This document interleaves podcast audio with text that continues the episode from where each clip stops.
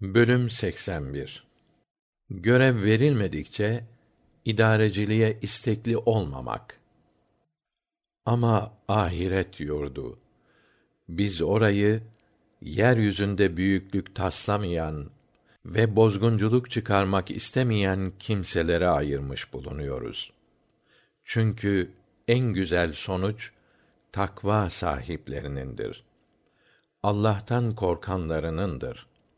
28 Kasas 83 Hadis 674 Ebu Said Abdurrahman İbni Semure Allah ondan razı olsun şöyle demiştir.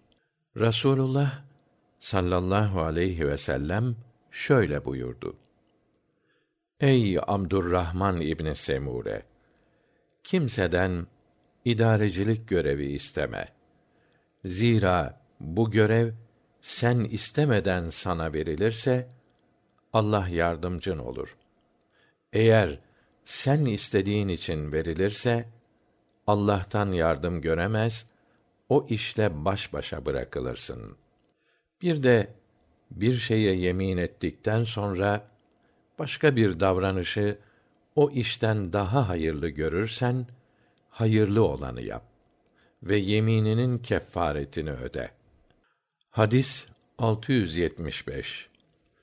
Ebu Zer'den Allah ondan razı olsun rivayet edildiğine göre Rasulullah sallallahu aleyhi ve sellem şöyle buyurdu. Ya Ebu Zer, senin gerçekten zayıf olduğunu görüyorum. Kendim için sevdiğimi senin için de isterim.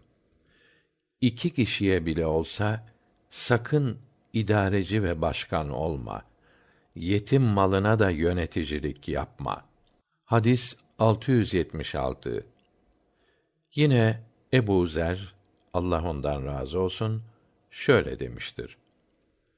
Ya Resulallah, beni memur tayin etmez misiniz?